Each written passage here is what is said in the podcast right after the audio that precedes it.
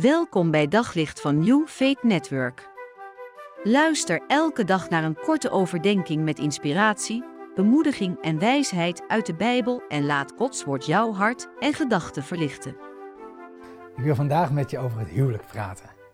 En ik lees met je uit Efeze hoofdstuk 5, vers 21, waar Paulus zegt: aanvaard elkaars gezag uit eerbied voor Christus. Punt. Aanvaard elkaars gezag uit eerbied voor Christus. Wat moet je doen wanneer je een gelukkig huwelijk wilt hebben? Aanvaard elkaars gezag uit eerbied voor Christus. Dit is misschien wel de allerbelangrijkste tekst die je als getrouwde man of getrouwde vrouw moet imprinten. Een andere vertaling zegt het wat strenger. Onderwerp je aan elkaar uit eerbied voor Christus. Hé, hey, maar Ola, wacht even dat gedoe met onderwerpen en zo, dat is dan niet meer van deze tijd. En als we toch weer die kant op willen, dan is het toch vooral de vrouw die zich aan de man moet onderwerpen.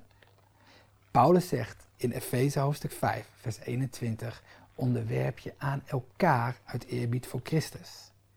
Jezus zegt het in zijn onderwijs iets anders. Iets anders. Hij zegt, acht de ander uitnemender dan jezelf. Wat is de grootste opdracht van het huwelijk?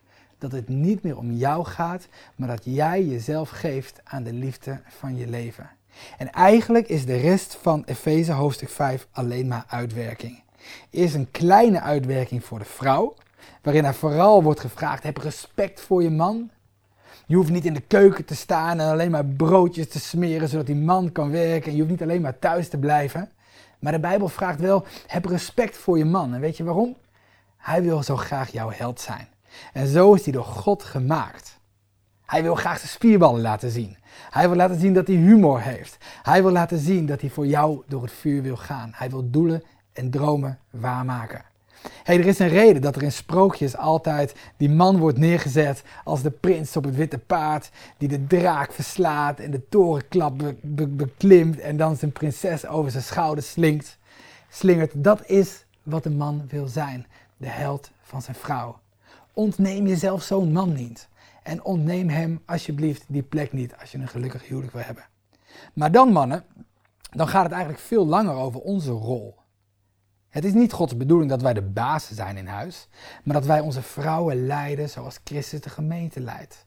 Dat we bereid zijn om haar voeten te wassen. Dat we bereid zijn om de onderste weg te gaan, zodat zij zich opgetild voelt door ons.